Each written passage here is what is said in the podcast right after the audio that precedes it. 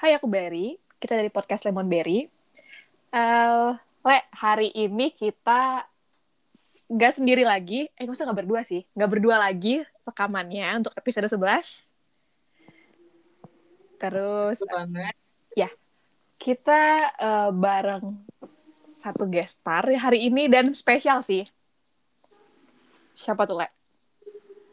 Jadi hari ini kita mau undang um, salah satu psikiater di rumah sakit di Bandung, mm-hmm. yaitu Dokter Vivi.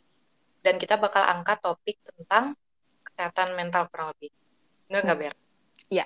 Kalau gitu kita sapa dulu kali ya. Uh, halo dok. Halo dok. Oke, okay, itu kayak sebuah app ya. Uh, halo Dokter Vivi. Halo Lemon. Halo Berry. um, makasih sih dok udah mau nyempetin nih weekend kita ganggu ya sejaman lah buat ini buat rekaman. Uh, by the way dokter lagi sibuk gak sih kalau weekend gini? Hmm biasanya sih udah enggak ya kalau udah weekend. Dan memang saya uh, sengaja kalau weekend itu kerjanya juga lebih awal gitu beres beresnya gitu. Karena ya itulah uh, untuk family time untuk istirahat juga gitu. Oh, eh, tapi berarti dokter kan Senin sampai week weekend Sabtu ya uh, ke, rumah sakitnya? Uh, ya memang sih Senin sampai Sabtu ya. Belum bisa saya Senin sampai Jumat. Jadi Sabtu juga tetap harus masuk, tapi kayak lebih awal lah gitu pulangnya. Wow. Oh gitu ya kalau misalnya tenaga kesehatan emang kerjanya sampai weekend ya dok ya?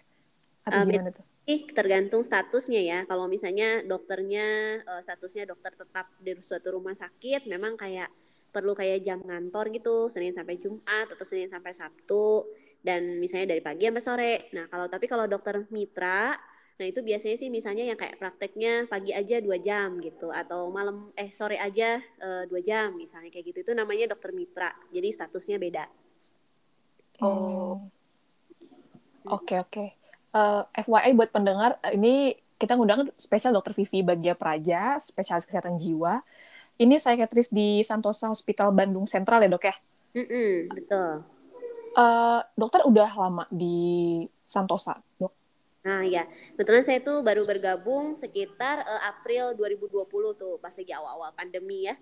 Nah jadi uh, merintis uh, karir ya mulai itu berarti setahun setengah lah ya, setahun lebih sampai sekarang nih. Oh oke. Okay. Pas banget di awal pandemi itu dok, pas di awal pandemi dan jadi psikiatris di rumah sakit itu apa ada penambahan signifikan gak sih dok untuk pasien-pasien yang datang kan pandemi itu? Uh -uh. jadi ya memang sih ya itu ya uh, entah mengapa ada uh, apa ya pasti ada maksudnya ya dengan jadi uh, psikiatris di sana dalam waktu pandemi gitu. Memang waktu pas lagi awal-awal pandemi mah justru uh, sangat jarang pasien ya karena uh, masih pada wah ketakutan dan juga banyaknya di rumah kita belum hafal uh, prokes itu harus seperti apa gitu kan ya. Nah, mm -hmm. tapi uh, makin kemari ke ke sini ke sini ya memang jumlah pasiennya, terutama pasien barunya yang meningkat gitu karena uh, banyak yang terdampak banget sama pandemi sekarang ini. Baik yang misalnya sebelumnya pernah ada gangguan kesehatan jiwa terus jadi kambuh, nah atau yang belum sebelumnya belum ada tapi uh, terdampak oleh pandemi itu jadi akhirnya baru muncul gitu gangguan kesehatan jiwanya gitu jadi ya makin ke sini sih makin banyak pasien baru sih ya oh oke okay, oke okay. uh, um, maksudnya gini dok kan kita tinggalnya di Indonesia nih mm -mm. Dok, apa dokter nggak nggak sih atau mungkin hanya pandangan maksudnya pandangan Berry ya sebagai orang orang awam lah uh, untuk di untuk untuk dokter ngelihatnya apakah orang-orang itu sebenarnya di Indonesia itu masih menganggap tabu nggak sih dok untuk konseling untuk untuk maksudnya dapat pertolongan untuk kesehatan mentalnya deh. Hmm, iya iya. Jadi sebenarnya sih bukan cuman uh, di Indonesia aja ya, banyak di tempat-tempat lain juga, terutama mungkin negara timur atau bahkan sebenarnya bisa juga sih negara-negara barat. Tapi mereka biasanya lebih terbuka. Kalau negara timur itu ya gitu, memandang uh, secara seringnya memandang secara negatif gitu kan terhadap orang-orang yang uh, merasa kesulitan atau terganggu dalam uh, kesehatan jiwanya, baik itu misalnya pikirannya, perasaannya, uh, kebiasaannya sehari-hari gitu. Uh, mereka jadinya takut gitu untuk berobat karena takut dicap jelek atau yang kita bilang namanya stigma kan ya stigma negatif gitu. Hmm. Nah, jadi benar banget sih yang tadi Berry bilang bahwa uh, banyak yang uh, jadinya akhirnya menunda, tertunda gitu, atau bahkan ya uh, tidak tidak mau berobat gitu karena takut dianggap stigma negatif atau jelek tadi gitu. Dan itu sebenarnya sih kayak bikin delay uh, delay terhadap uh, penanganannya. Sayangnya seperti itu. Atau yang kedua bisa juga karena kita lagi-lagi di negara timur, jadi kayak lebih sering kali mengkaitkannya itu dengan maaf kata misalnya ya dengan uh, keyakinan atau agama gitu. Nah, misalnya kalau uh, merasa butuh untuk curhat atau merasa ya terganggu lah ya tadi pikiran, perasaan, tindakannya, tidur terganggu dan sebagainya. Nah, jadinya tuh oh kamu kurang iman, oh kamu tuh kurang ibadah gitu. Nah, jadi ditudingnya ke sana dan biasanya sih ke rohaniwan dulu gitu misalnya. Nah, jadi akhirnya tertunda deh ke dokternya. Hmm. Oke. Okay. Uh, eh, Le. Ya. Oke. Okay. Ya, uh, buat, buat pendengar maksudnya ya kita kan rekaman di tempat yang berbeda dan dokter Hivi sebenarnya juga lagi bersama bersama babynya jadi ada backsound backsound lucu lah ya. Dok tapi nggak nggak apa nih dok. Kita pinjam bentar dokternya maksudnya uh, anak dok anaknya dokter. Pinjam waktu bentar agak dikacangin oh, ya, ini saya karena sudah di rumah dan weekend nih jadinya uh, apa ya memang ada sama bersama dengan anak dan keluarga gitu. Sorry ya. Eh kita yang minta maaf dok dok. Kita yang ngambil waktunya. Uh, le aku mau nanya deh le. Kita kan yang ngangkat tema buat episode ini itu dari skala 1 sampai 10 seberapa sadar sih kamu akan kesehatan mental kamu? Sebelum aku nanya ke pendengar nih, Le. Kamu sendiri dari skala itu berapa sih? Kalau dari aku sendiri tuh pasti nganggap kesehatan mental tuh penting kan. Dan mm-hmm. um, sebenarnya aku punya pertanyaan nih, Dok. Dia dia nggak nggak kenapa-napa, mungkin dia emang pendiam mm. padahal dia punya punya apa ya, punya hal yang disimpan gitu terlalu lama atau mungkin dia yang terlalu meluap-luap gitu dibilang lah kalau yang meluap-luap mungkin oh, dia nggak bisa nggak bisa kontrol emosi dia dia emang suka marah-marah kayak gitu. Nah itu kan kadang-kadang kita nggak bisa bedain tuh itu emang kondisinya seperti itu atau e, mentalnya itu sedang terganggu. Nah itu gimana kita bisa tahu membedakan Oke, jadi biasanya sih kamu kami di psikiatri itu uh, melihat uh, adanya gangguan dalam tiga aspek ya. Pertama itu aspek perawatan diri. Uh, kalau misalnya uh, hal-hal yang kayak tadi tuh yang uh, marah-marahnya atau menyendirinya itu gitu ya sampai mengganggu ke salah satu aspek tadi. Misalnya pertama tadi aspek perawatan diri. Bagaimana dia makan minum tidurnya uh, merawat dirinya ya. Uh, nah itu sudah sampai mengganggu ke seperti itu. Nah berarti itu sudah uh, tarafnya perlu untuk dibantu atau menjadi masalah yang kedua aspeknya misalnya aspek berelasi gitu. Dengan tadi keluhannya adalah misalnya marah meledak-ledak atau malah menyendiri juga. Nah itu berpengaruh nggak sama relasinya dia? Atau mungkin ya memang kayak uh, misalnya ya hari uh, weekend gitu terus pengen menyendiri. Maksudnya karena uh, pengen baca buku pengen bobo aja misalnya. Tapi hari-hari yang lainnya ya sih produktif aja. Itu sih oke okay aja ya. Tapi kalau misalnya kayak tadi uh, sampai mengganggu ke relasi malas ber malas bersosialisasi kayaknya eh, nggak uh, ada orang yang mengerti saya deh gitu ya. Atau yang tadi yang marah-marah sampai akhirnya nggak punya temen gitu ya karena semua orang jadi dimarahin sama dia gitu. Nah itu juga berarti ada sesuatu yang mengganggu dan perlu ditangani gitu. Sama yang terakhir adalah aspek ya pekerjaan atau kalau misalnya masih uh, di lingkungan akademik lah gitu ya misalnya masih siswa atau mahasiswa gitu. Nah terganggu juga uh, prestasi belajarnya gitu. Nah, jadi e, tiga aspek itu biasanya sih yang kita nilai apakah itu sudah mengganggu ke pekerjaan atau akademiknya, mengganggu kepada relasi dengan keluarga atau dengan orang-orang sekitarnya sama perawatan dirinya gitu. Jadi e, kalau sudah sampai di situ ya berarti memang sudah butuh bantuan gitu dari profesional. Tapi kalau misalnya e, cuman e, ya kayak tadi saya bilang kan temporer gitu ya sih, nggak nggak juga uh, mengganggu terlalu banyak ke aspek-aspek hidupnya mungkin itu cuman sementara aja. Nah saya juga benar sih uh, le punya uh, baru aja punya pasien yang datang hmm. ke saya itu hmm, sayang sekali sih ya. Jadi waktu itu uh, waktu dia tuh sebenarnya sudah mulai ada perubahan perilakunya dari sekitar uh, tahun 2008 Nah, tapi ya karena itu e, tidak mengganggu, ya cuman menyendiri aja di kamar ya, meskipun dia ya bicara sendiri, menyendiri, hanya keluar kamar untuk uh, misalnya makan, mandi dan ke WC gitu ya. Hmm, nah udah aja gitu. Jadi keluarganya pikir ya sudahlah dia mah uh, antik aja gitu. Tapi sesudah ketika akhir-akhir ini dia misalnya uh, merusak barang di rumah, habis itu dia uh, ambil perabotan di rumah dikubur gitu di sungai, katanya di dekat sungai. Terus habis itu lihat dia akhirnya jadinya sering uh, ya mengganggu ke sekitar. Nah, akhirnya baru dibawa berobat. Nah, sebenarnya kan dia udah gangguannya 13 tahun ya. Itu sangat mm-hmm. artinya sangat sudah banyak kerusakan di otaknya gitu. Jadi sebenarnya jiwa itu meskipun tadi kata Lemon nggak kelihatan ya, tapi sebenarnya adalah aktivitas dari otak gitu. Jiwa kita itu sebenarnya bukan kayak di dada gitu loh, kayak aduh aduh uh, jadi sedih nih gitu. Terus kita pegang okay. dada gitu kan. Kayak iya iya. Kebayang visualnya dok. Gitu ya. Sakit hati banget gitu misalnya. Kita terus pegang dada. Sebenarnya uh, jiwa itu diaturnya oleh otak jadi uh, organ di dalam tubuh kita yang mengatur jiwa itu adalah otak. Karena di dalam otak itulah yang jadi sumber pemikiran, sumber emosi dan perasaan dan juga uh, perilaku atau tindakan kita. Gitu. Kayak misalnya uh, kalau kita berpikir jernih, berpikir realistis itu tuh uh, daerah otak yang namanya frontal ya, area otak frontal namanya yang banyak berpengaruh. Kalau emosi atau perasaan tuh ada area otak namanya sistem limbik Nah, itulah yang mengatur emosi kita. Nah, perilaku kombinasi dari keduanya itu gitu. Nah, jadi sebenarnya jiwa itu di otak, bukan di dada. Ya. Hmm. Jadi ngomongin jiwa itu bukan ngomongin yang ngawang-ngawang. Ngomongin jiwa itu benar-benar real di otaknya gitu. Di otak seseorang maksudnya gitu. Hmm. Oke. Okay. Um, Tapi aku penasaran sih, Dok. Um, mungkin balik lagi mungkin kondisi jiwa seseorang, tapi saya lebih penasaran ke perilaku misalnya. Ada nggak sih kalau orang is, um, mungkin gimana ya um, perilakunya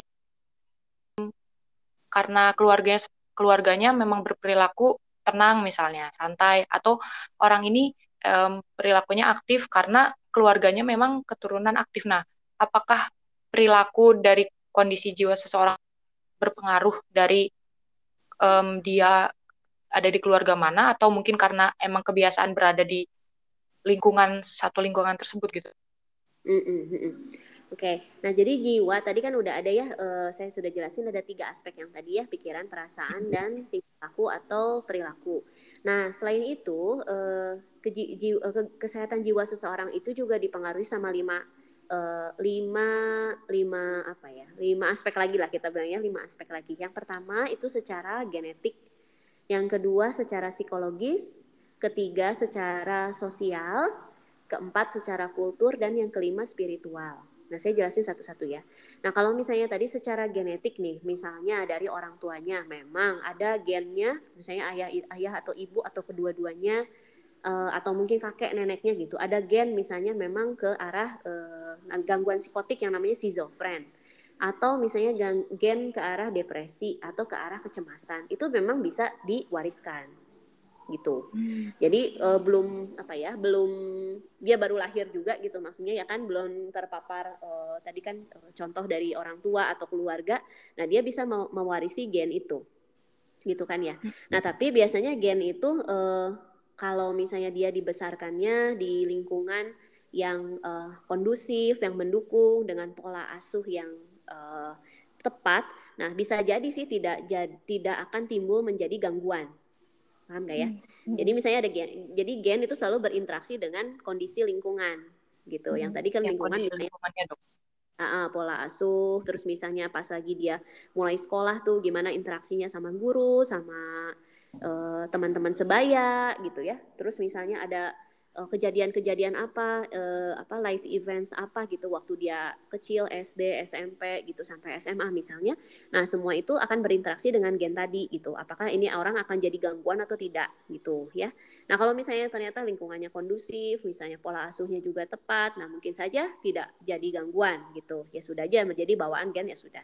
Nah tapi uh, tadi uh, yang saya sebutkan kayak pola asuh, trauma-trauma masa kecil dari relasi dengan teman, guru dan sebagainya itu juga yang membentuk aspek yang kedua yaitu psikologi seseorang gitu. Nah, uh, bawaan an, misalnya ada kakak nih bawaannya yang si ini mah misalnya pendiam eh tapi ad, uh, si kakak gitu si adiknya mah oh, aktif banget gitu ya. Atau yang nanti anak ketiga lain lagi gitu ceritanya. Nah itu masing-masing memang ada pembawaannya nah tadi uh, perannya atau posisinya dari keluarga itu pola asuh sama uh, role model ya. Jadi ada juga yang gara-gara uh, misalnya bukan gara-gara terpengaruh dari misalnya ibunya. Ibunya tuh pencemas gitu. Nah anaknya itu jadi mencontoh.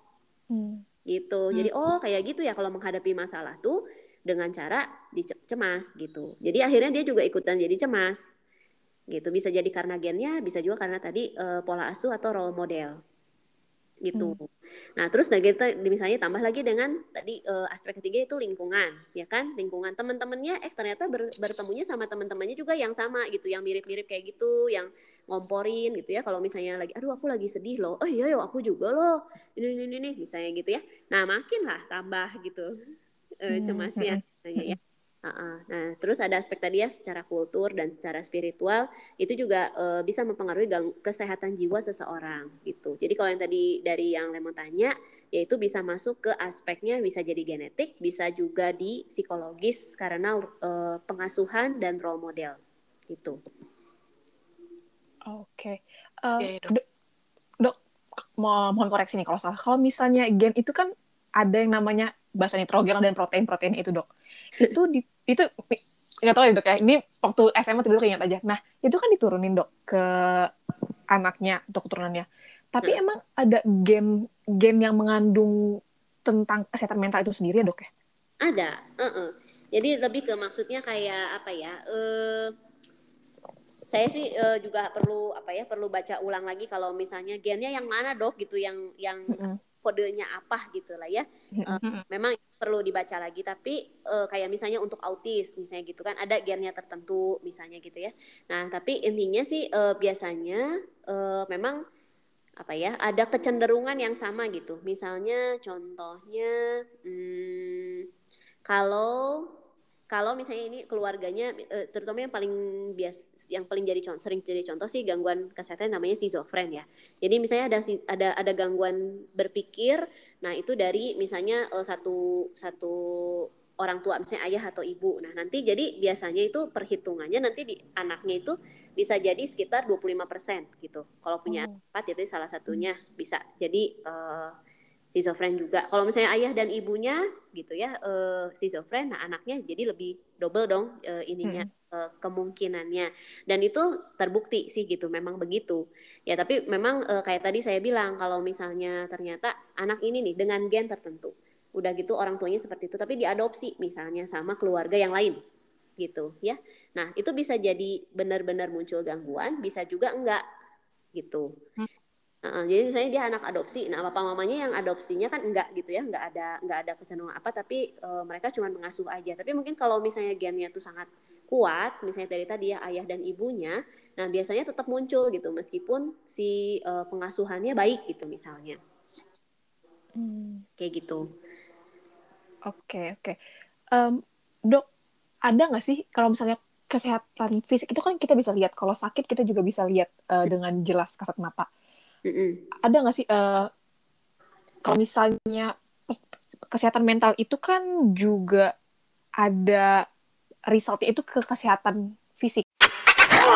Ada sakit di bagian mentalnya itu berdampak ke fisiknya. Nah, kita bisa tahu ini pure karena fisik atau ini karena mental berdampak.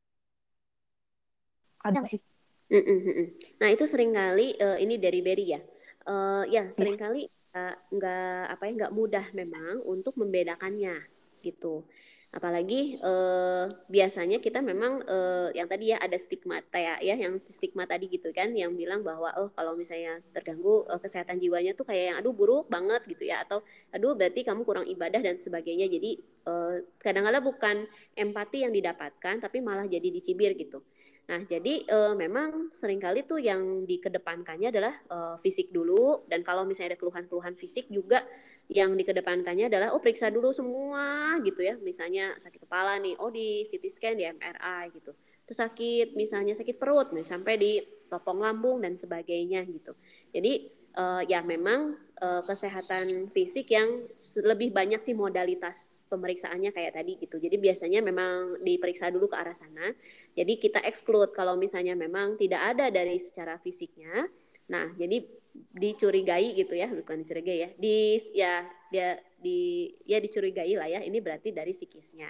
Nah, tapi kalau saya sih tadi kan sempat udah menjelaskan bahwa ya seseorang itu banyak uh, keluhan, nggak nggak baik-baik, terus ya mengganggu ke aktivitasnya, ke, rel ke relasinya, merawat dirinya. Nah itu tiga aspek itu juga uh, bisa menunjukkan bahwa seseorang itu mungkin saja terganggu secara psikisnya. Nah, banyak sih pasien juga yang datang ke saya atau ya pokoknya ke rekan-rekan psikiater ya sudah ke sekian banyak dokter gitu. Dan akhirnya dokter dokter-dokter itu sendiri yang bilang kelihatannya uh, Anda perlu deh bil, uh, ke ke psikiater gitu. Dan itu juga biasanya kadang-kadang nggak se nggak semudah itu. Hah, masa sih saya harus ke psikiater gitu? Kayak nggak mau nerima dulu gitu ya. Nah, mm -hmm. jadi uh, akhirnya makin tertunda lagi gitu. Nah, uh, tapi belakangan ketika udah ke psikiater ternyata oh nggak sebegitunya kok kalau ke psikiater tuh nggak se ngeri itu atau seaneh itu gitu kan ternyata enggak gitu ya. Nah, uh, memang yang tadi ditanyakan tidak mudah untuk dibedakan, tapi kalau misalnya keluhannya itu tidak ber tidak berkurang, tidak membaik dengan obat yang diberikan, misalnya. Terus udah gitu berpindah-pindah, berubah-ubah gitu ya. Dan banyak mempengaruhi ke kesehariannya tadi. Nah, itu sih udah mulai bisa dipikirkan ke arah misalnya psikisnya gitu. Hmm. Okay. Um, um, Berry, um, aku mau ini nih di sosial media nih kemarin tuh kan rame banget nih soal lebih baik um, self care lebih baik jalan-jalan daripada bertemu sama uh, profesional gitu. Jadi apakah itu termasuk ini enggak sih dok? Um, eh sorry Berry dan dokter ya saya mau, mm. ngangkat soal topik itu gitu. Mm -mm. Karena mereka tuh or, uh, di sosial media itu kayak sempet rame iya lebih baik kita self care aja jalan-jalan, main-main atau dan lain-lain. Nah yang saya tangkap tuh dari isu tersebut mm-hmm. um, apakah itu itu uh, itu atau atau nggak nggak mutlak salah nggak mutlak benar gitu kalau yang saya tangkap sih karena kalau menormalisasi hal tersebut tiap orang kan beda-beda ya dok ya mm-hmm. ada yang memang mungkin dia dia dia di buruk kondisi mentalnya jadi dia bisa bisa relax dengan self care tersebut gitu ada yang memang butuh ke profesional tapi gara-gara sempet rame lagi konteks tersebut tuh jadi takutnya tuh orang-orang tuh malah jadi merasa ragu lagi buat ke profesional padahal hmm. kondisi orang-orang kan berbeda ya seperti yang dokter tadi bilang hmm. menurut dok, menurut dokter um, konteks tersebut ya yang rame di sosial media kemarin-kemarin itu kayak gimana dok? Hmm. Hmm. Hmm. Setuju sih hmm. sama Lemon tadi kalau misalnya memang uh, kondisinya masih ya mild moderate gitu ya masih ringan sedang ya mungkin uh, dengan melupakan sejenak ya atau beristirahat sejenak segala kejenuhan yang membuat misalnya tadi ya misalnya ada gangguan emosi sering marah-marah atau sering nangis gitu ya. Terus udah gitu uh, karena udah ada uh, refreshingnya akhirnya memang bisa lebih membaik gitu. Uh, berarti memang dia butuhnya ya cuma segitu gitu kan ya. Nah tapi kalau misalnya itu hanya menjadi uh, pengalihan sementara dan pada dan tidak menyelesaikan uh, akar masalahnya ya biasanya sih balik lagi gitu kan ya. Misalnya um, apa ya uh, misalnya seseorang yang di tempat kerjanya itu uh, misalnya uh, jadi salah satu pemicu stresnya gitu ya. Misalnya tempat kerjanya kerjanya nggak jelas gitu ya. Terus misalnya sempat seperti kayak kemarin ada pasien gitu uh, di trainingnya A diangkat uh, jabatannya B pada hari, sehari-harinya C hmm. gitu ya tugasnya. Dan berikutnya adalah di sekarang-sekarang ini jadi tambah D gitu. Nah, jadi kan itu hmm. nggak hmm. uh, akhirnya uh, menjadi satu sumber stres yang nggak uh, beres-beres gitu ya. Sepanjang masih kerja di situ ya begitu gitu. Ya kan bisa menjadi potensi stres. Nah, jadi kalau kayak tadi saya self care, jalan-jalan, traveling, sementara iya sih melepaskan dari kejenuhan. Tapi kalau misalnya uh, akar sumber masalahnya nggak diberesin gitu ya, uh, ya bisa balik lagi kalau menurut saya sih gitu. Jadi ya penting untuk bisa konsultasi gitu ya dengan uh, profesional. Boleh misalnya ke psikiater atau boleh juga sebenarnya ke psikolog dulu. Mana aja karena nanti dari masing-masing profesi itu mereka juga akan bisa saling merefer kalau misalnya menemukan misalnya nih ya ke psikolog dulu dikasih uh, psikoterapi atau konseling apa pun juga jadinya susah gitu ya karena e, memang perlu untuk diminum obat dulu. Nah, jadinya mereka akan merefer ke psikiater. Nah, kalau misalnya di psikiater sudah selesai pengobatannya, tapi kelihatannya ini masih perlu konseling atau psikoterapi berikutnya, bisa juga merefer ke psikolog gitu. Jadi sebenarnya e, boleh sih ke mana aja dulu gitu ya, misalnya untuk mencari bantuan profesional gitu. Kalau misalnya memang kayak tadi sudah terganggu sekali fungsi kehidupannya di as tiga aspek tadi gitu, e, Lemon. Hmm. Hmm. Berarti kondisi um, dilihatnya ke kesehariannya um, di mana dia di kehidupannya dan apakah akar uh, akar apakah itu udah menyelesaikan sampai akar masalahnya gitu ya dok ya? Iya, uh, karena kalau enggak kan kambuhan ya pasti kambuh lagi gitu. Hmm. Mm Oke. Okay. Uh, eh, tadi dokter juga sempat mention nih bisa ke psikiater, bisa ke psikolog. Jadi kapan dan kondisi apa nih dok yang tepat untuk orang memutuskan oke okay, uh, eh, aku ke psikolog. Mm -hmm. uh, nah uh, ya perlu di apa ya diperjelas dulu karena beberapa uh, ya masyarakat sering kali juga masih uh, belum bisa membedakan ini ya. Nah kalau psikolog itu, nah mereka uh, biasanya jurus dari jurusan psikologi gitu ya sekolahnya. Jurusan psikologi mereka mem mempelajari teori-teori tentang kepribadian, teori tentang psikologis. Nah dengan uh, berbekal pengetahuan itu mereka juga memberikan uh, psikoterapi terapi psikis ya psikoterapi ya psikoterapi psikis atau konseling uh, dengan berbagai macam uh, variasinya yang memang sebenarnya sangat banyak gitu ya. Nah untuk menolong uh, klien dibilangnya klien gitu. Nah kalau misalnya dengan uh, dengan psikolog itu biasanya kan jadi misalnya ada uh, memperbaiki bukan perbaiki membereskan juga misalnya trauma-trauma masa lalu atau cara-cara berpikir yang uh, kurang tepat gitu ya. Cara-cara merespon uh, persoalan atau hal yang terjadi sehari-hari uh, dengan lebih baik misalnya gitu ya stabilitas emosi. Nah itu juga mereka bisa membantunya gitu. Atau misalnya ya sudah uh, trauma masa lalu sudah dibereskan nah sekarang what's nextnya ke depan gitu kan ya Nah, jadi mereka akan membantu di situ.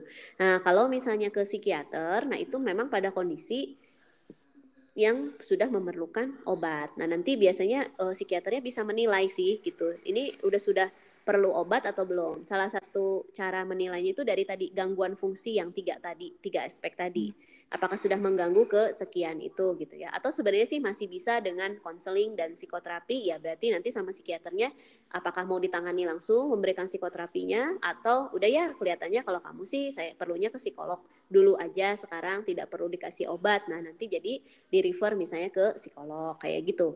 Nah, eh, jadi tadi saya bilang karena mungkin awam tidak tahu ya saya tuh butuh obat atau enggak gitu kan. Ya, kalau psikolog itu mereka kan sekolahnya S1 psikologi atau S2 ya nanti ada juga sih S2-nya uh, mereka psikolog itu. Nah, jadi mereka akan menjadi seorang psikolog melayaninya klien. Itu dibilangnya klien gitu ya orang yang datang pada mereka.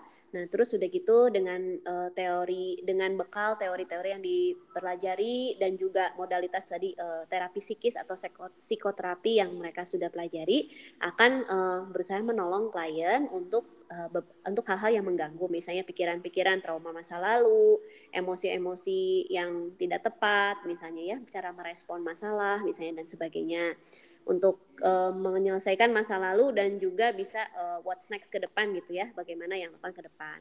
Nah, tapi kalau kalau psikiater itu mereka dari dokter kedurusan kedokteran, jadi dokter umum, lalu habis dokter umum sekitar enam tahun ya atau lima tahun sekolah.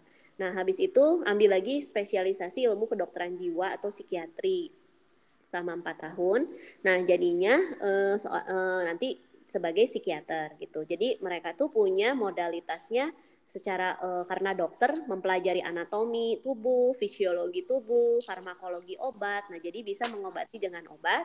Nah, dan juga dengan konseling atau psikoterapi yang dipelajari selama uh, sekolah yang spesialisasi itu gitu. Nah, tapi uh, tadi kan yang seperti waktu di awal saya bilang bahwa sebenarnya ya psikiatri itu uh, berhubungan dengan organ di tubuh ya yaitu otak gitu kan ya.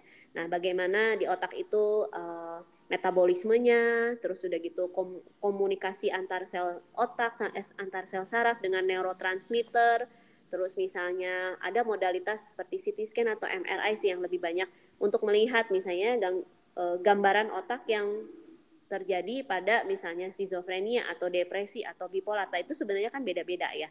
Gitu. Cuman jarang sih kita sampai periksa ke arah sana. Nah, itu juga e, menjadi bagian dari e, apa ya? E, wadahnya eh, si, si, psikiater gitu. Karena dokter kan ya. Nah jadi bisa mengobatinya dengan dua modalitas yaitu dengan psikoterapi plus obat farmakoterapi gitu. Terus mau ke mana dulu? Ya tadi sebenarnya sih bisa saling refer yang tadi saya cerita ya. Uh, apa nanti misalnya mau ke psikolog dulu tapi ternyata uh, diberikan konseling dan psikoterapi juga sulit uh, untuk ada kemajuan Nah, jadinya mereka juga akan menyadari oh ini perlu diobati dulu gitu ya. Nah, e, karena yang mempengaruhi neurotransmitter tadi di otak itu adalah dari obat-obatan yang bisa memberikannya psikiater. Nah, jadinya biasanya mereka refer ke psikiater. Nanti udah selesai pengobatan di psikiater, perlu lebih banyak lagi psikoterapi yang secara khusus. Nah, kita bisa refer ke psikolog gitu. Jadi bisa saling refer, saling kerjasama. Hmm. hmm. Oke, okay. uh, eh, Le, apa kita sekarang masuk ke pertanyaan aja kali ya? Soalnya uh, kemarin ini kita udah sempat ini dok buka pertanyaan ya buka mm. form untuk pertanyaan dan udah beberapa masuk pertanyaan dan karena mungkin waktunya memang juga nggak nggak sepanjang itu jadi kita juga filter sih beberapa pertanyaan yang bisa kita angkat di record hari ini. Mm -mm. Uh, Le, kamu mau bacain pertanyaan pertama aja dok, Le. Kita nanti okay. gantian gitu. Oke, okay, boleh boleh. Jadi di sini ada pertanyaan buat Dokter Vivi nih. Yang pertama, um, pertanyaannya bentuknya anonim ya dok ya. Nah, ini dari seorang yang bilang di umur 24 saya ngerasa emosi jadi lebih kayak gampang marah, gampang tersinggung, gampang depresi kalau ada triggernya. Sekarang lagi pengobatan, kalau nggak minum tiga hari aja, emosi udah apa itu apa emang itu udah red flag atau emang lagi itu pertanyaannya dok. Oke, saya coba jawab ya. Nah, mm -hmm. uh, jadi mungkin dari yang tadi pertanyaannya dulu ada red flag ya. Uh, saat ini sampai saat ini sih sebetulnya yang saya tahu kalau di psikiatri itu jarang sih ada yang dibilang red flag atau uh, bendera merah gitu ya, tanda bahaya. Enggak sih, jarang sih seperti itu. Tapi di beberapa penyakit lain sih emang benar uh, ada istilah red flag gitu. Jadi uh, saya mau mengkonfirmasi dulu bahwa uh, kalau di psikiatri sih kami jarang sih pakai namanya red flag ya. Mungkin ini uh, dari yang bertanya, uh, mungkin dia tahu dari misalnya penyakit-penyakit yang lain atau dan yang yang dia sudah baca gitu lah ya. Nah, terus tadi kalau balik ke pertanyaannya di umur 24 ngerasa emosi lebih gak ke kontrol, gampang marah, kesinggung dan gampang depresi. Nah, saya rasa sih sebenarnya uh, ini terjadi uh, kecenderungannya itu sudah terjadi jauh sebelum umur 24 gitu. Nah, misalnya dari apa saja sih yang bisa mempengaruhi gitu ya? Mungkin selama ini cara dia menangani masalahnya itu misalnya dengan uh, ya sudahlah diam aja gitu nggak mengekspresikannya gitu karena merasa udahlah ya udahlah gitu nggak usah diekspresikan apakah misalnya karena uh, apa ya ya percuma aja lah gak, didengar juga atau dan sebagainya. Nah tapi sekian waktu sudah ditahan tahan tahan. Nah ternyata di umur sekarang sekarang ini uh, sudah nggak bisa lagi tuh gitu ya untuk ditahan dan dibawa tenang aja. Akhirnya jadinya ekspres seperti ini gitu, terekspresif seperti ini gitu ya. Terus uh, syukurlah tapi sekarang sudah menemukan uh, berarti menemui psikiater ya karena ini kan diobati ya dan ya. uh, sudah minum obat uh, cuman kalau nggak minum obat tiga hari imunisasi udah kacau nah jadi mungkin dia masih dalam fase inisiasi kali ya jadi memang apa ya kalau fasenya masih awal-awal pengobatannya masih belum stabil gitu Nah, jadinya uh, perlu beberapa waktu dulu untuk supaya dia kondisinya lebih stabil. Nah, baru misalnya nanti sama psikiaternya dikurangin obatnya gitu ya. Nah mungkin ini uh, teman yang bertanya ini uh, misalnya belum masuk pada fasenya fase stabilisasi, tapi udah nggak minum obat tiga hari gitu kan ya. Jadi akhirnya memang gampang balik lagi gitu. Saya sih uh, menyarankan supaya uh, tetap mengikuti program dari uh, dokternya, dari psikiaternya. Nah, nanti kalau sudah pas masuk masuk ke fasenya stabilisasi, kelihatannya sih bisa nanti mulai didiskusikan apakah sudah mulai bisa turun obatnya. Bagaimana cara turun obatnya? Nah, rata-rata di psikiatri itu perlu namanya tapering off. Jadi dosisnya pelan-pelan diturunin, bukan begitu saja berhenti gitu. Kayaknya sih ini temen yang ini nanya mungkin dia uh, langsung berhenti gitu kali ya obatnya tiga hari gitu. Nah hmm. jadinya kaget gitu badannya gitu sih. Jadi saya saranin uh, supaya tetap ikuti program dari psikiaternya sampai fase stabilisasi sudah lebih stabil. Nanti uh, habis itu ajukan apakah bisa mengurangi uh, dosis obatnya uh, bagaimana supaya aman ya dan yang tadi bukan hanya secara obat tapi juga secara konselingnya ada baiknya sih untuk dibicarakan uh, bersama-sama uh, apa sih yang terjadi sebelum umur 24 gitu le iya iya ya. jadi trigger di masa lalunya atau hmm. mungkin di masa lalunya ada apa gitu ya dok ya? Mm -mm, mm -mm. Karena kalau si trigger itu nggak diberesin, begitu beres obat atau begitu nggak minum obat kan balik lagi ya kambuh lagi gitu. Akar masalahnya ya balik nah, yang tadi dokter udah pernah bilang. Nah, benar, iya betul. Oke oke. Oke. Orang tua saya religius, tapi mereka juga open minded. Saya sempat depresi tahun lalu dan sudah ketemu orang yang profesional untuk menangani panjang ditanya tidak pernah cerita ke orang tua kalau saya menemui profesional untuk membantu saya menangani depresi saya harus disampaikan secara hmm. much better. Terima kasih. Mm -mm. Oke, okay. uh, eh, di sini sih eh, nggak uh, ngomong umurnya berapa ya, tapi mungkin mm -hmm. ya kalau sih orang ini mungkin udah cukup dewasa ya, mungkin di atas 21 gitu, 22 ya. Karena kalau misalnya masih umurnya 17, 18 gitu, mungkin ya dia tetap masih perlu supervisi dari orang tua.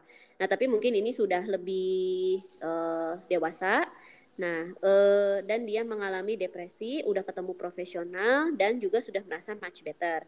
Nah, kalau menurut saya sih eh, kembali kalau pertanyaannya adalah apakah lebih baik cerita atau enggak ke orang tua, eh, coba dipertimbangkan apakah dengan cerita sama orang tua itu akan lebih berefek bagus ke dirinya atau mungkin bisa mengganggu lagi kondisi yang sekarang udah much better itu. Gitu. Nah, jadi misalnya kalau cerita sama orang tua ternyata misalnya orang tuanya nggak siap gitu ya, uh, meskipun memang katanya open minded gitu.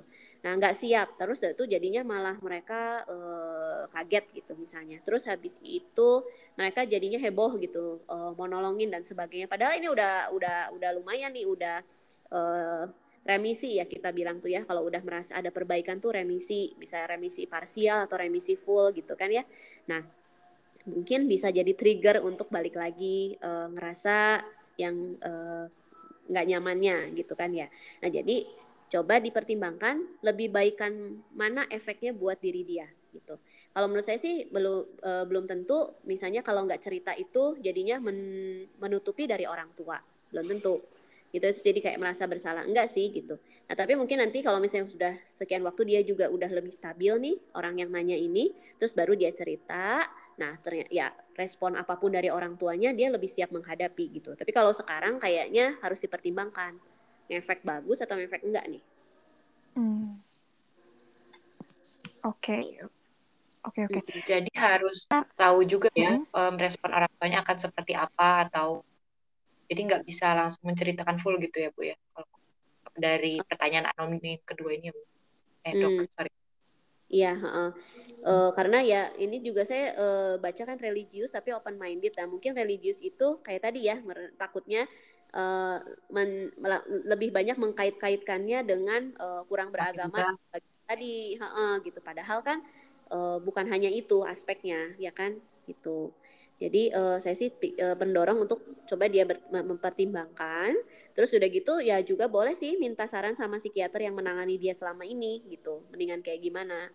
Kalau saya uh, belum ketemu sih sama orang yang bertanya ini ya sama mm -hmm.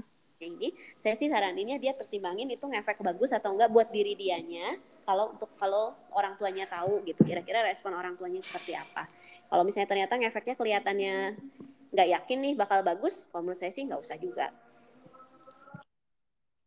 dok sekarang deh kalau misalnya bukan misalnya bukan orang tua juga deh ke teman-teman ataupun ke orang terdekat itu sebenarnya perlu sharing soal kayak ginian Nah, itu juga sama eh, dipertimbangkan sih itu bakal ngefek ke kita lebih baik atau efeknya bisa enggak. Terus ya kalaupun misalnya tetap kan butuh pengen cerita gitu ya. Nah, itu sih hmm, bisa tapi pilih-pilih orangnya. Gitu. Kita bisa tahu kok ke orang yang kalau cerita sama orang ini tuh bakal kayak hmm, bak, apa ya dikomporin gitu misalnya ya. Atau misalnya justru malah dia kaget akhirnya dia misalnya menjauh gitu misalnya gitu ya. Atau bisa di oh kayak gitu ya. Terus dia bisa memberikan empati yang cukup gitu ya mendukung kita gitu. Nggak terlalu kepo juga gitu tapi nggak terlalu yang abai juga kan ah gitu doang gitu. Nah hmm. Coba e, pertimbangkan kira-kira e, teman kita ini orangnya kayak apa gitu. Jadi kita bisa ngomong. Kalau untuk pasangan nah kalau untuk pasangan kalau menurut saya sih hmm, per, bisa cerita mungkin garis besarnya aja dan ajak dia ke psikiaternya. Gitu. Maksudnya pacar lah ya pacar lah ya. Hmm. karena kalau misalnya benar ini mau dari pacaran itu penjajakan pacaran itu mau jadi pasangan dia harus tahu. Ya dok. Oh, harus Har tahu dalam harus artian tahu. Awal juga harus tahu dok uh, ya sejauh mana kalian serius untuk mau sampai berkerumah tangga lah karena kan pacaran itu nggak selalu berakhir dengan berumah tangga ya hmm. gitu pas kita pacaran terus sudah gitu misalnya oh ternyata pas lagi penjajakan ini tuh uh, potensial untuk jadi suamiku atau potensial jadi istriku atau enggak gitu. Kita sih bisa lihat ya bukan hanya romantisme aja gitu ya di awal, tapi misalnya kalau berantem bisa sama-sama diskusi cari solusi dan saling memaafkan gitu kan.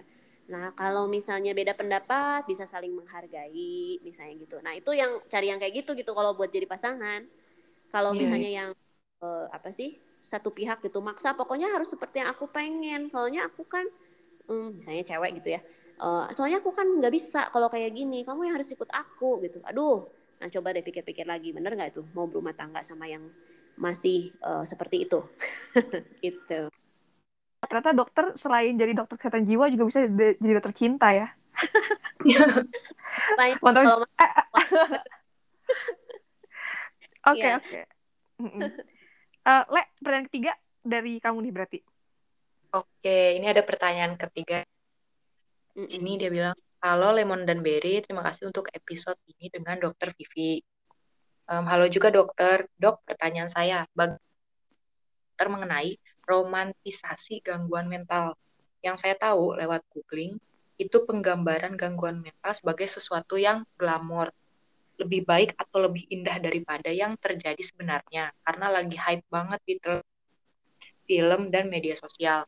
Gangguan mental yang paling banyak diromantisasi ini kalau kita depresi, kecemasan, bipolar, bipolar, OCD atau o, obsessive compulsive disorder dan bahkan kondisi kepribadian seperti intro introvert pun ikut diromantisasi seakan-akan timbul pertanyaan punya gangguan mental itu dianggap kekinian Hmm. terima kasih dok, sehat selalu ya untuk dok. Oke, terima kasih nih untuk pertanyaannya. Jadi kekinian ya. Unik, nah, unik. Oke, benar sih. Jadi uh, memang ada kayak fenomena romantisasi gangguan mental ya. Uh, ya saya juga uh, apa ya mendapati gitu hal-hal itu. Uh, sebenarnya benar juga, uh, benar sih uh, terjadi hal-hal yang seperti ini tuh akhir-akhir ini dan uh, sebetulnya ini bukan sesuatu. Jadi beda dengan awareness terhadap mental health gitu. Nah, kalau awareness terhadap mental health berarti kan lebih kayak introspeksi diri, habis itu uh, mempromosikan misalnya bahwa mental health itu sangat uh, penting untuk dijaga. Lalu uh, misalnya apa ya? Hmm, jadi ya mendorong orang lain untuk mendorong orang lain untuk berani bercerita misalnya kalau menurut saya sih kayak ya sekarang ini yang Lemon Berry lakukan kalau menurut saya ini ini bagus banget. Ini namanya promote untuk mental health gitu promosi kesehatan jiwa. Nah kalau misalnya yang kayak barusan itu sih menurut saya sih mungkin ada kalau misalnya ada orang yang uh, bikin status gitu ya uh, aduh lagi depresi nih misalnya gitu kan ya atau aduh pengen uh, apa ya aduh kayaknya pengen jadukin kepala deh gitu. Tapi dibikin di status ya uh, atau misalnya cerita-cerita aku tuh OCD, aku tuh apa gitu ya. Kalau menurut saya, pandangan saya sih itu bukan promote tentang awareness terhadap hmm. mental health. Nah, tapi mungkin adalah bagian dari uh, gangguan kesehatan yang sedang dialami gitu.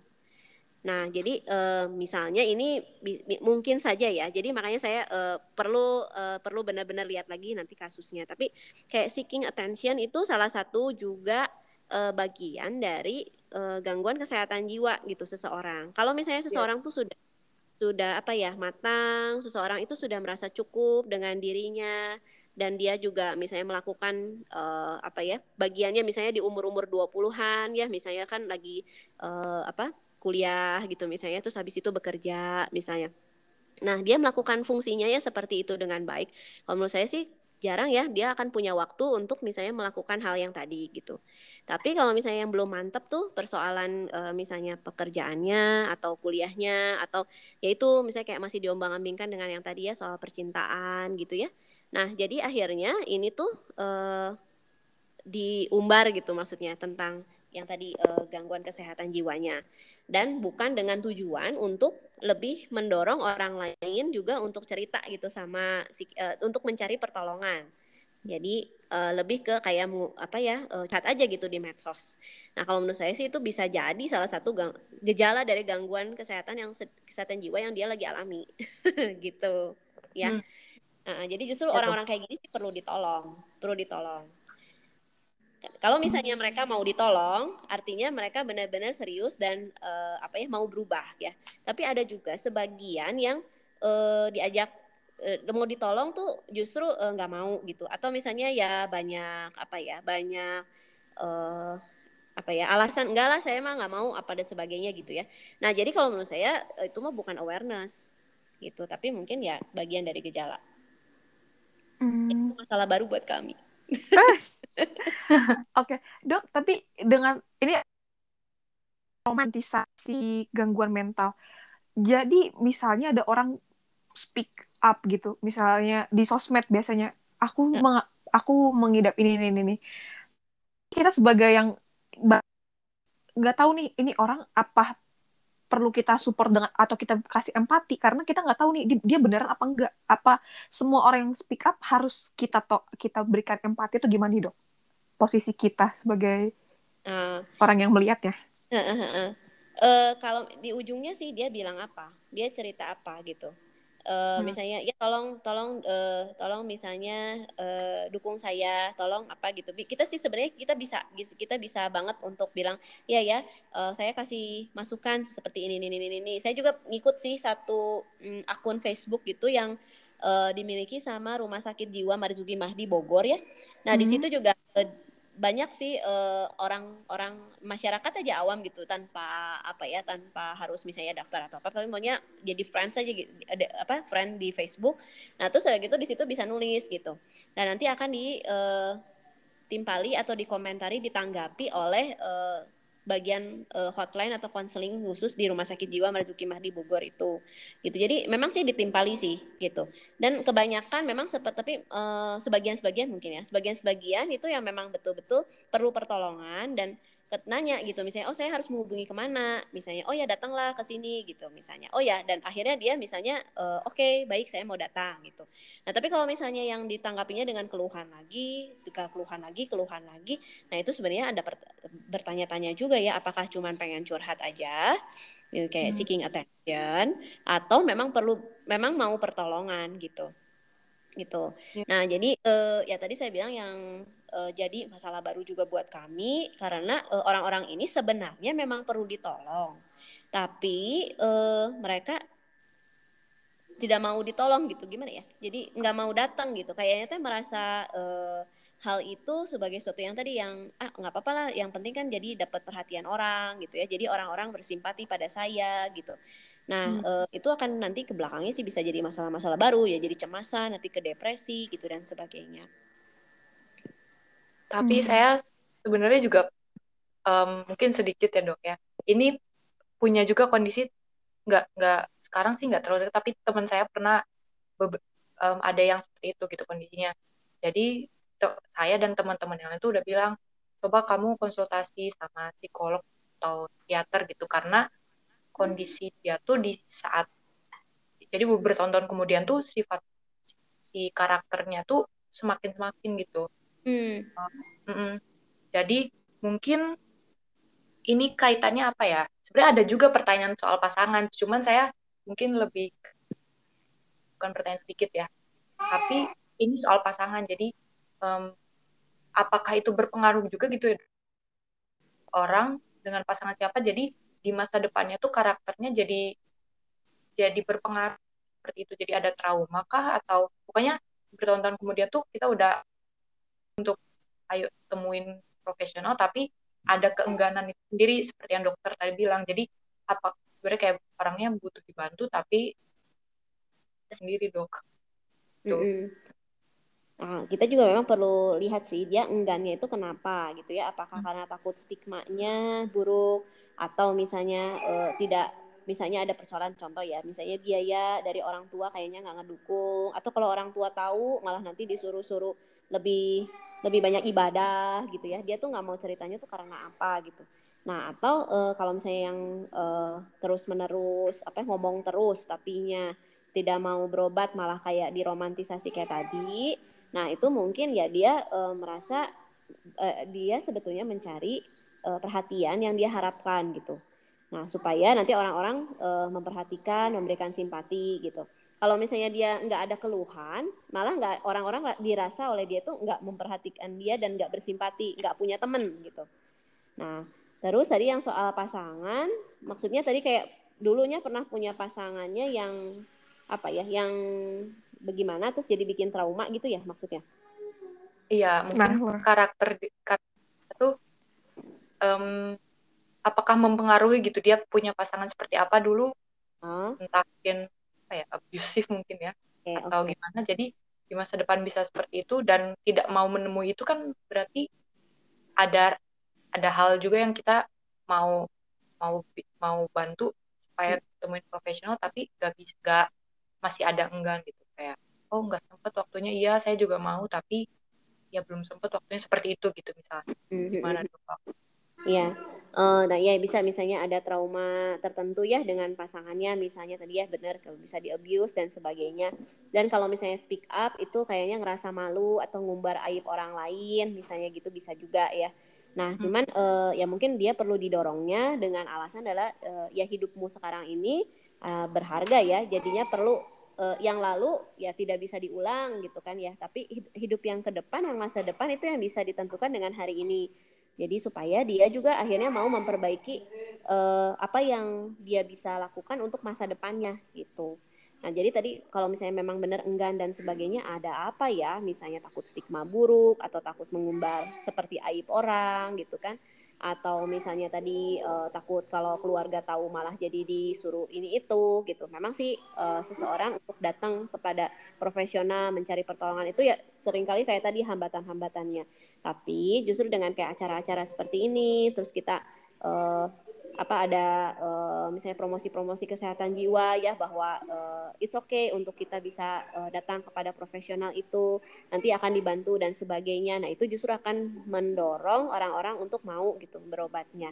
Dan memang sih nggak semudah itu gitu ya, semudah saya ngomong gitu. Tapi ya kita tetap dalam progres dalam proses untuk uh, supaya masyarakat tuh makin uh, aware dan lebih cepat mencari pertolongan. Itu bukan hanya uh, aware apa di, di sering di, dikumandangkan itu untuk dijadiin uh, status di medsos. Bukan banget gitu. Tapi untuk supaya cari pertolongan terus berempati misalnya ya. Mendukung mendampingi nah kayak gitu. Dan tidak memandang jelek gitu pada orang yang mengalami seperti itu gitu. Hmm. oke. Okay. um, ini ada, ada dua pertanyaan terakhir nih dok.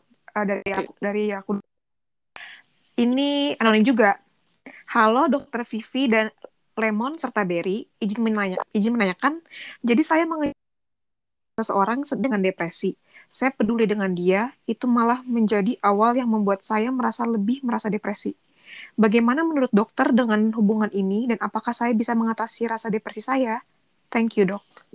Hmm, oke. Okay. Nah, jadi uh, mungkin di awalnya orang ini uh, saya nggak tahu ya apakah depresi pada pasangan yang depresi itu timbulnya uh, pada saat mereka menjalani mereka menjalani hubungan itu atau kadang-kadang ada juga sih yang tadi ya berawal ngeliat temennya uh, terus itu ada punya masalah terus suka berempati eh lama-lama ngomong juga nyambung gitu akhirnya ya udah berpacaran gitu kan ya. Nah saya ini uh, kita belum tahu ya apakah itu di, dari awal dia tahu atau uh, pas lagi perjalanan mereka pacaran baru uh, depresi itu muncul karena uh, pemicu sesuatu. Nah hmm, jadi memang si orang pasangan ini peduli ya sama uh, pasangannya yang depresi. Nah cuman ya itu kelihatannya uh, pasangannya yang depresi itu kan intinya tapi perlu kalau misalnya apa ya tidak membaik juga depresinya dan akhirnya malah membawa uh, depresi ke yang sehatnya nah ini harus berobat gitu harus dibawa berobat dengan segala kesadaran gitu. Kalau misalnya ini memang mau juga diteruskan ke berumah tangga apalagi itu harus berobat gitu. Nah, karena memang secara uh, pengetahuan awam nggak akan mungkin si orang yang uh, yang mendampinginya ini bisa apa ya bisa uh, menyelesaikan gitu depresi dari pasang dari pasangannya. Ya pac, uh, ya pokoknya uh, pacarnya ini gitu. Jadi memang uh, apa ya uh, tidak mudah menghadapi seseorang yang depresi itu dia harus ditolong oleh profesional. Uh, pacar itu memberikan support sesuai dengan uh, porsinya gitu. Kalau dia yang jadi uh, apa ya pelampiasan terus gitu ya uh, hmm. terus itu misalnya yang jadi apa sih pokoknya terus aja uh, ngerti lah ya jadi tong, tong sampahnya lah gitu. Terus ngedengerin hmm. atau terus aja misalnya jadi sasaran kadang-kadang orang yang depresi juga bisa ya jadinya teh uh, melakukan kekerasan terus jadi sasaran kekerasan ya itu malah nggak akan jadi bagus gitu hmm. tapi justru harus dibawa uh, disadarkan bahwa dia butuh pertolongan kalau misalnya uh, menolak atau tidak mau ya uh, berobat, ya mungkin perlu dipertimbangkan hubungan ini karena ternyata bukan membawa efek yang baik gitu buat si uh, pacarnya itu. Karena uh, hubungan yang baik itu bukan hanya hubungan yang ideal itu atau yang baik itu bukan hanya yang satu pihak gitu yang merasa happy gitu. Tapi keduanya harus merasa happy, merasa enjoy dengan hubungan itu. Gitu. Ya. Hmm. Jadi ya perlu dipertimbangkan sih uh, apakah hubungan ini bisa tetap take and give gitu. Kalau hmm. misalnya give terus gitu ya, satu nggak akan kuat, nggak akan tahan. Pasti suatu waktu lelah juga gitu. Berarti yang si pasangannya yang lagi depresi itu kayaknya take aja gitu kan ya. Jadi harus hmm. take in gitu. Hmm. Oke, okay. uh, eh, last question dari Le Lemon mau bacain? Oke, okay, ini mungkin last questionnya nggak terlalu panjang ya dok ya. Mm -mm pertanyaannya tuh adalah apakah depresi bisa sembuh total? Hmm, oke. Okay. Nah, eh, yang namanya eh, depresi untuk kesembuhannya itu kita sih nggak bilangnya sembuh total atau nggak total. Tapi biasanya me, kalau secara teori ya, kalau secara teori itu me, apa ya, me, mengukurnya dengan kapan dia relapse atau kambuh gitu. Nah, e, misalnya dalam waktu enam bulan ke depannya sesudah selesai terapi ada sekian persen yang bisa kambuh gitu kan ya. Nah dalam waktu satu dua tahun ke depannya yang bisa kambuh, saya, saya sih kalau e, lihat secara e, angka, jadi misalnya 25 persen pasien yang depresi dalam enam bulan ke depannya setelah selesai terapi bisa mengalami kekambuhan. Kemudian yang bisa mengalami kekambuhan dalam waktu 2 tahun gitu ke depannya misalnya sekitar 25 sampai 50 persen. Yang bisa mengalami kekambuhan dalam waktu lima tahun ke depannya itu 50 sampai 75 persen kayak gitu. Nah jadi eh, kalau namanya eh, depresi kayak gitu cara mengukurnya. Nah itu sangat banyak sekali dipengaruhi dengan eh, bagaimana situasi masing-masing orang yang unik gitu ya. Misalnya dia punya kepribadiannya, misalnya eh, perfect gitu misalnya ya. Nah dia kalau misalnya dia nggak belajar untuk lebih fleksibel, nah ketika sudah selesai berobat, nah terus begitu menemui lagi persoalan uh, dalam hidupnya dan dia masih dengan cara berpikir yang kurang fleksibel, ya bisa depresi lagi gitu. Maksudnya kalau yang tadi itu yang kekambuhan tuh kayak gitu ya. Nah uh, jadi sangat penting sebenarnya memang bukan cuma obat, tapi uh, konseling atau psikoterapinya itu perlu jalan bareng gitu. Jadi ke psikiaternya yang akan melakukan dua-duanya. Karena kalau cuma obat aja, biasanya sih ya jadinya obat yang berkepanjangan aja gitu. Karena kan nanti misalnya kambuh lagi, berarti diobati lagi. Nah, e, jadi harus dua-duanya gitu. Nah, kadang-kadang tapi memang tidak mudah ya. Misalnya ada orang yang tadi kan dengan ciri kepribadian seperti itu, atau mungkin ya memang yang e, tinggal dalam lingkungan keluarga yang memang e, apa ya uh, tidak ideal gitu. Misalnya misalnya uh, apa orang tua sering bertengkar misalnya gitu ya. Terus itu tuh nggak nggak baik-baik gitu misalnya. Nggak ada resolusinya. Ya bisa saja itu kan terus jadi trigger nanti jadi bisa depresi lagi gitu. Kayak gitu. Nah jadi uh, kalau sembuh total, kalau misalnya orangnya masih muda, terus cepat ditangani, itu bisa lebih baik prognosisnya. Tapi kalau misalnya lambat ditangani, lingkungan lingkungan hmm. tidak mendukung. Nah, itu juga bisa akhirnya jadi apa ya? Jadi uh, susah gitu untuk sembuhnya. Kira-kira menjawab nggak ya? Dengan hmm. background background yang saya minta maaf ya, itu soalnya background baby. Iya. um, Oke, okay. semoga ini karena ya pertanyaan dari anonim yang dari siapa pun. akhir tadi. Iya. Ya. ini sebenarnya masih bertanya cuman karena memang ya. Uh, kita mau minta sih sama pendengar-pendengar yang mungkin yang udah submit pertanyaan. Kita nggak bisa uh, ke dokter langsung. Hmm. tapi semoga di apa yang udah dokter Vivi paparin juga ada insight lah ya untuk untuk pertanyaan-pertanyaan timbul dari diri masing-masing.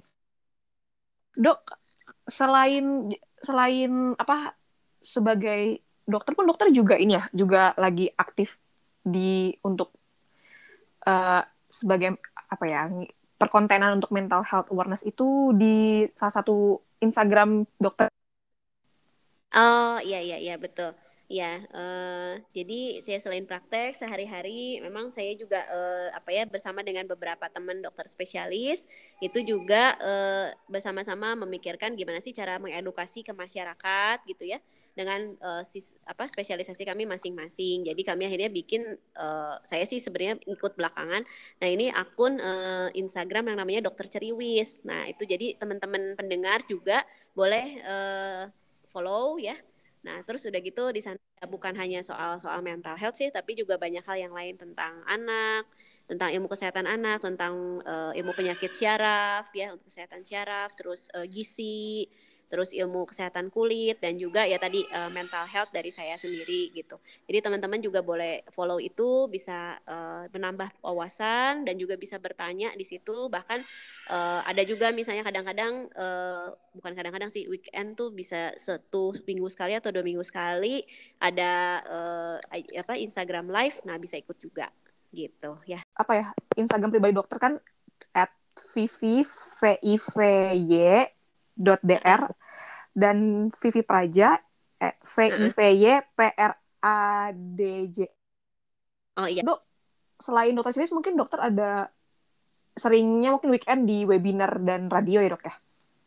Oh iya, yaitu uh, di radio kadang uh, dikasih tugasnya itu sama tempat kerja saya tadi yang di Santosa. Jadi secara bergiliran kami dokter-dokternya spesialisnya diminta untuk uh, memaparkan dari masing-masing uh, bidang kami gitu kan ya. Jadi itu secara bergiliran. Ada juga misalnya uh, siaran radio uh, tugas dari bukan tugas sih ya permintaan dari teman saya.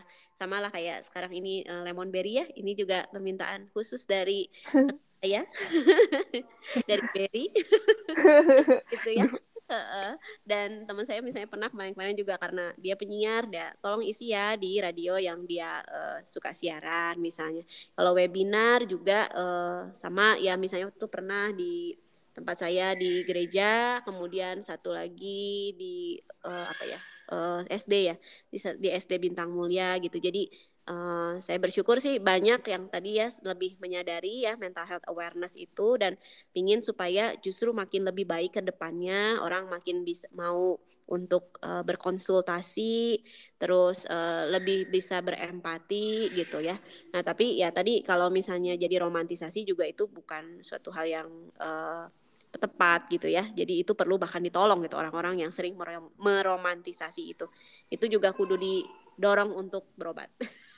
Hmm, gitu. Ya. Um, Oke okay, kalau gitu udah satu jam lebih karena ini sebenarnya banyak banget sih yang mau ditanya cuman ya waktunya memang mepet banget. Jadi Le, kamu ada mau disampaikan nggak? Uh, mungkin yang aku mau sampaikan itu berarti banyak intinya yang aku tangkap ya dari yang udah diobrolin tadi dengan dokter Vivi banyak aspek dari kesan kesehatan mental itu sendiri nggak cuman dari dirinya sendiri bisa jadi aspeknya um, dari psikologi, sosial, kultur atau spiritual. Terus pengaruhnya tuh bisa banyak dari kondisi mental yang um, kondisi mental yang lagi kurang baik itu um, mempengaruhi bisa relasi, aktivitas dan pekerjaan. Jadi mungkin buat teman-teman yang dengerin kira-kira um, hubungan relasi atau aktivitasnya itu kurang baik di akhir-akhir ini berarti kita men, kita menganjurkan untuk um, pergi ke profesional gitu. Seperti yang udah dokter Vivi tadi sampaikan gitu. Dan gak usah merasa karena stik karena ada budaya ketimuran atau stigma di ketimuran ini yang menganggap kalau pergi ke profesional mengenai kondisi mental itu berarti orangnya kurang kurang apa ya kurang bersyukur atau mungkin kurang kurang religius seperti itu. Itu sih yang aku tangkap dari um, episode kali ini. Kalau dari kamu dari gimana?